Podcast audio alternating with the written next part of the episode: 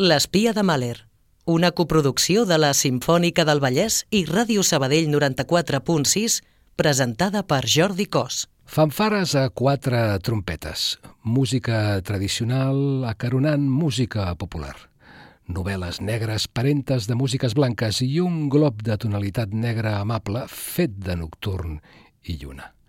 Amb noms i cognoms, Nino Rota, Gilles Apap, Rossini, Tuchelos, Mankel i Balander, Tchaikovsky, Sostakovich i Macbeth. Em resta per dir un nom i un cognom que fa que tot això rutlli. Rocío García, el control tècnic. Això, per si encara no t'has adonat i vols fugir abans que aquestes músiques t'atrapin, és l'espia de Mahler.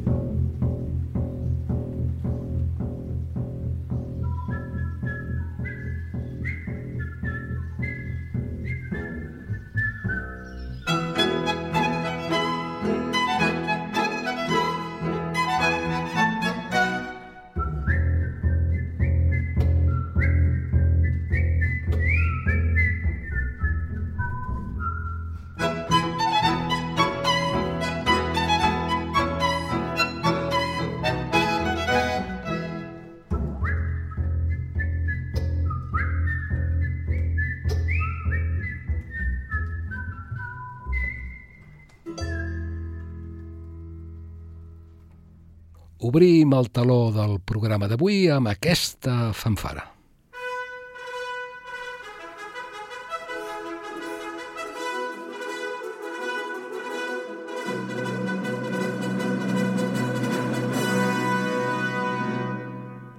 És l'inici de l'obertura Guillem Tell del compositor italià Giacchino Rossini.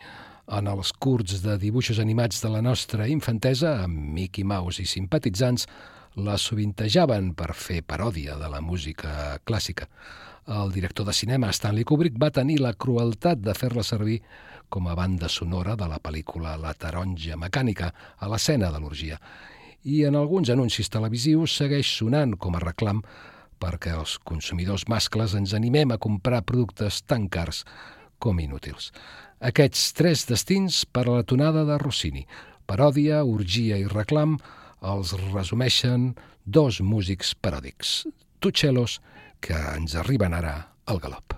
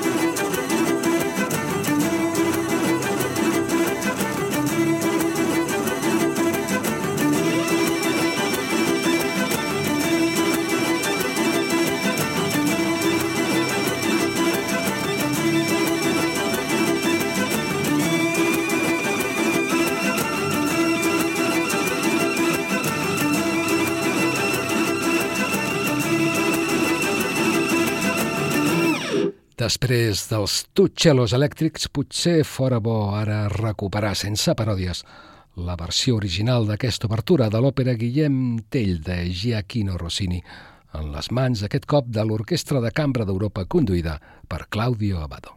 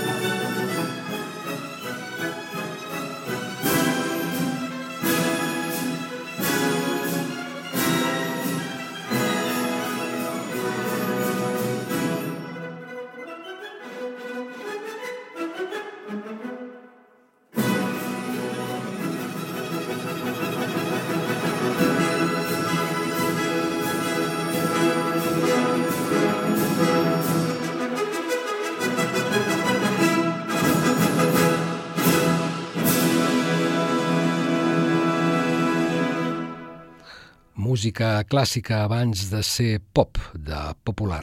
La paraula pop com a sinònim de música moderna està a l'extrem oposat de la música tradicional, és a dir, la música amb carnet d'identitat que expressa el saber d'un poble. Els anglesos tenen una paraula per definir aquesta saviesa que tu i jo fem servir sovint, folklore. Un dels músics més dedicats a rescatar el saber musical d'una música, el seu folklore, va ser Bela Bartok, compositor nascut a Notsemiklos, un poble que ahir era d'Hongria i avui és de Romania, i va ser un dels primers etnomusicòlegs de la història, és a dir, un d'aquells estudiosos de la música tradicional oral. Als anys previs a la Primera Gran Guerra Mundial, Bartok va recórrer els pobles de la seva Hongria natal recollint les tonades tradicionals que la gent li cantava o tocava amb instruments davant d'una primitiva gravadora. Aquesta és una de les tonades que Bartok recollí, un enregistrament original de fa més d'un segle i que ara us arribarà a les orelles amb el so embrutit per la pols del pas del temps. El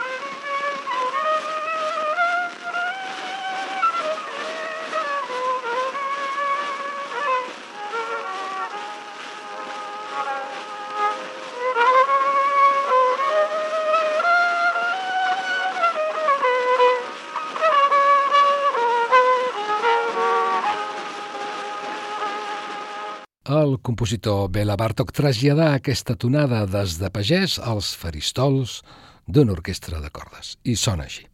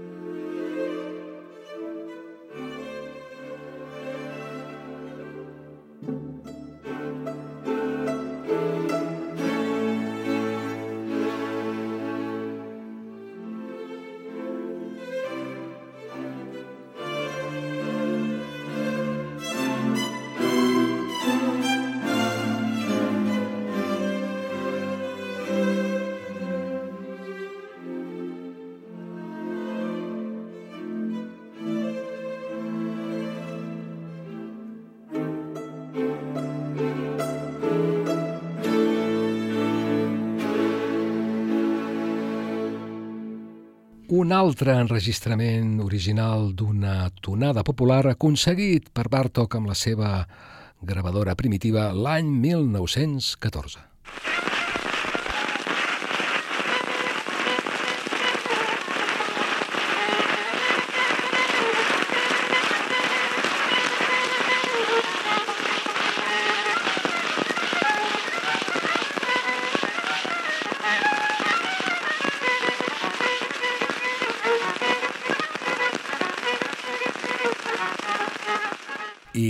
La traducció que Bartok altre cop va fer per orquestra de cordes, com l'anterior que hem escoltat, en la seva partitura danses populars romaneses. Ens les canten amb els seus instruments els músics de la Simfònica de l'Estat d'Hongria, conduïts per Adam Fischer. Thank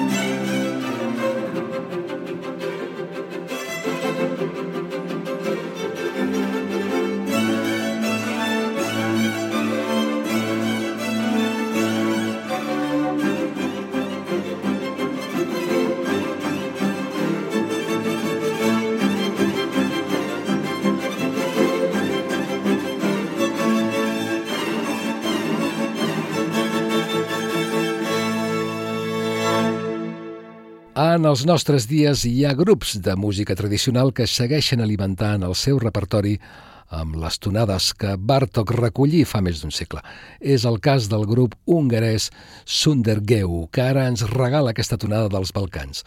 La tasca d'un compositor clàssic del segle XX ve a la Bartok com a argument d'un grup del segle XXI dedicat a difondre la música més propera a les arrels populars. Sander Geu.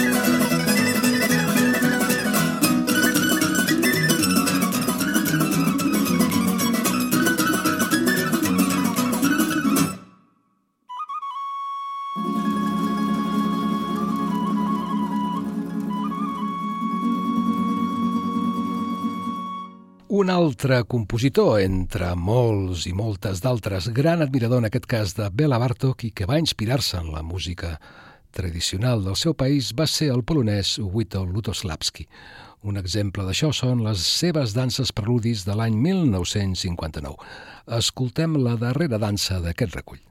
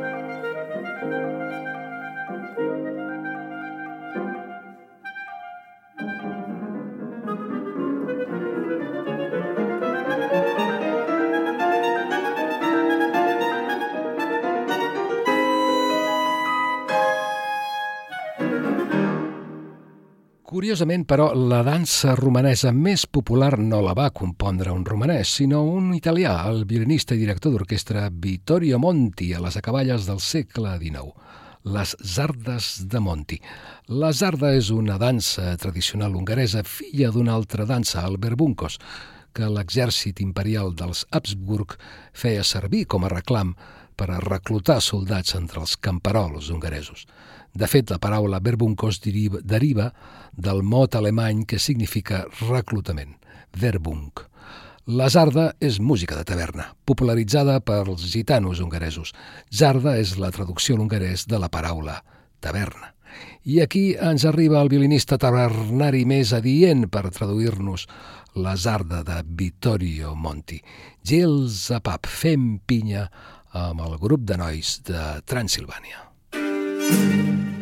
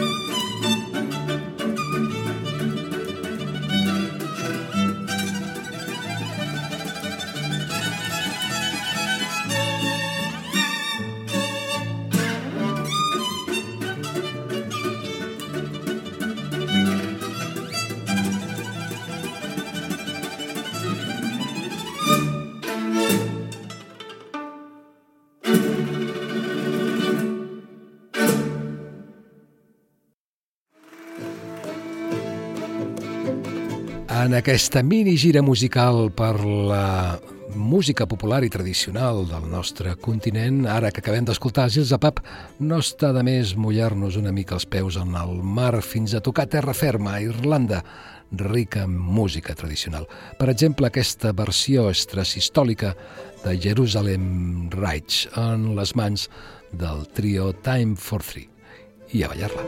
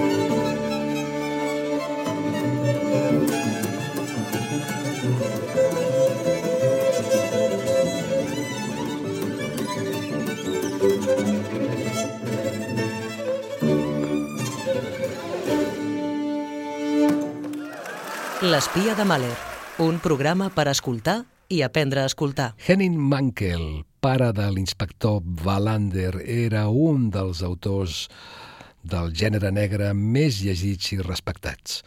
El que potser no sap tanta gent és que l'avi de Mankell era músic i va ser un compositor, això sí, sense gaire anomenada. Aquest és un dels seus preludis per a piano que ens tradueixen els dits d'Anna Christensen, música que ens servirà de coixí sobre el que recolzar el talent creatiu de Mankel, l'escriptor volcat en un dels seus llibres, Zapatos Italianos.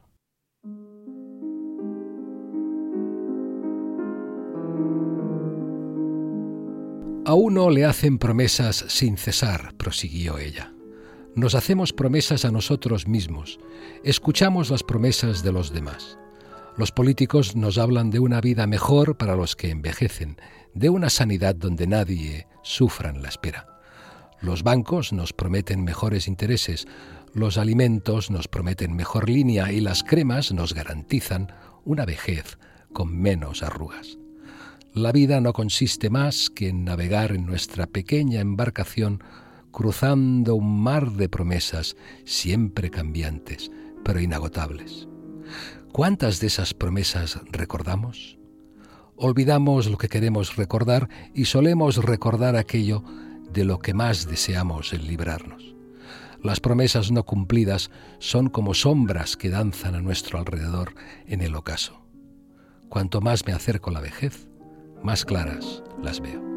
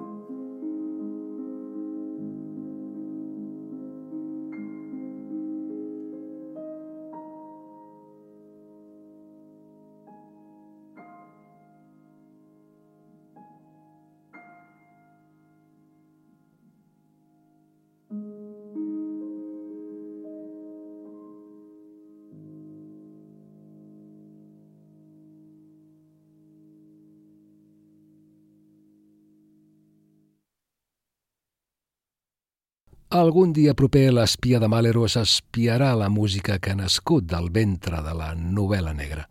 Per anar fent boca, recordem el compositor italià Nino Rota, qui, lluny de les faldilles de la seva mare cinematogràfica, Federico Fellini, va saber posar-li èpica a aquesta banda sonora de la pel·lícula basada en un clàssic de l'escriptora britànica Agatha Christie, protagonitzada pel detectiu belga Hercule Poirot Martelnil.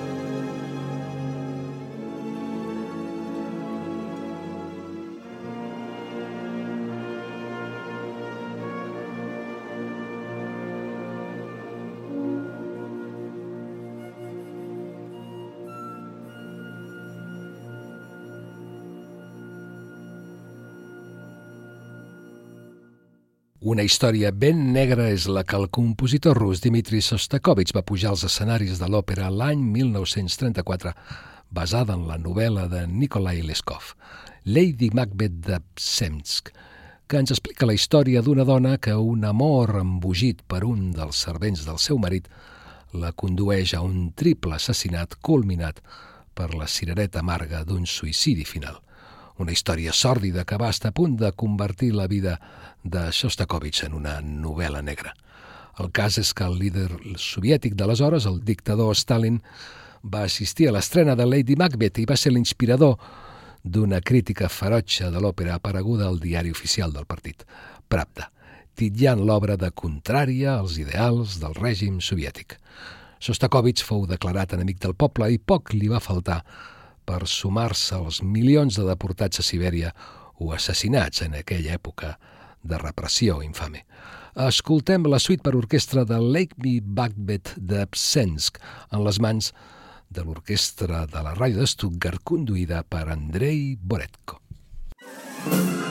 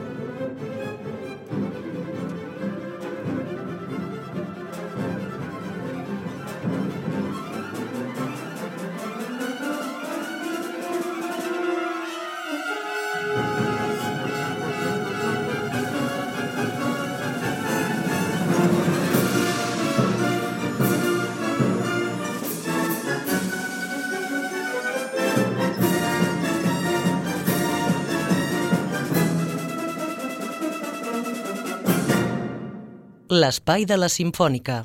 Els Simfònics del Vallès, conduïts per Rubén Jimeno al costat del cor de teatre, traduirem el dissabte vinent 4 de novembre a dos quarts de set de la tarda al Palau de la Música Catalana de Barcelona alguns dels grans èxits del pop i rock de tots els temps. Sí, ho has escoltat bé.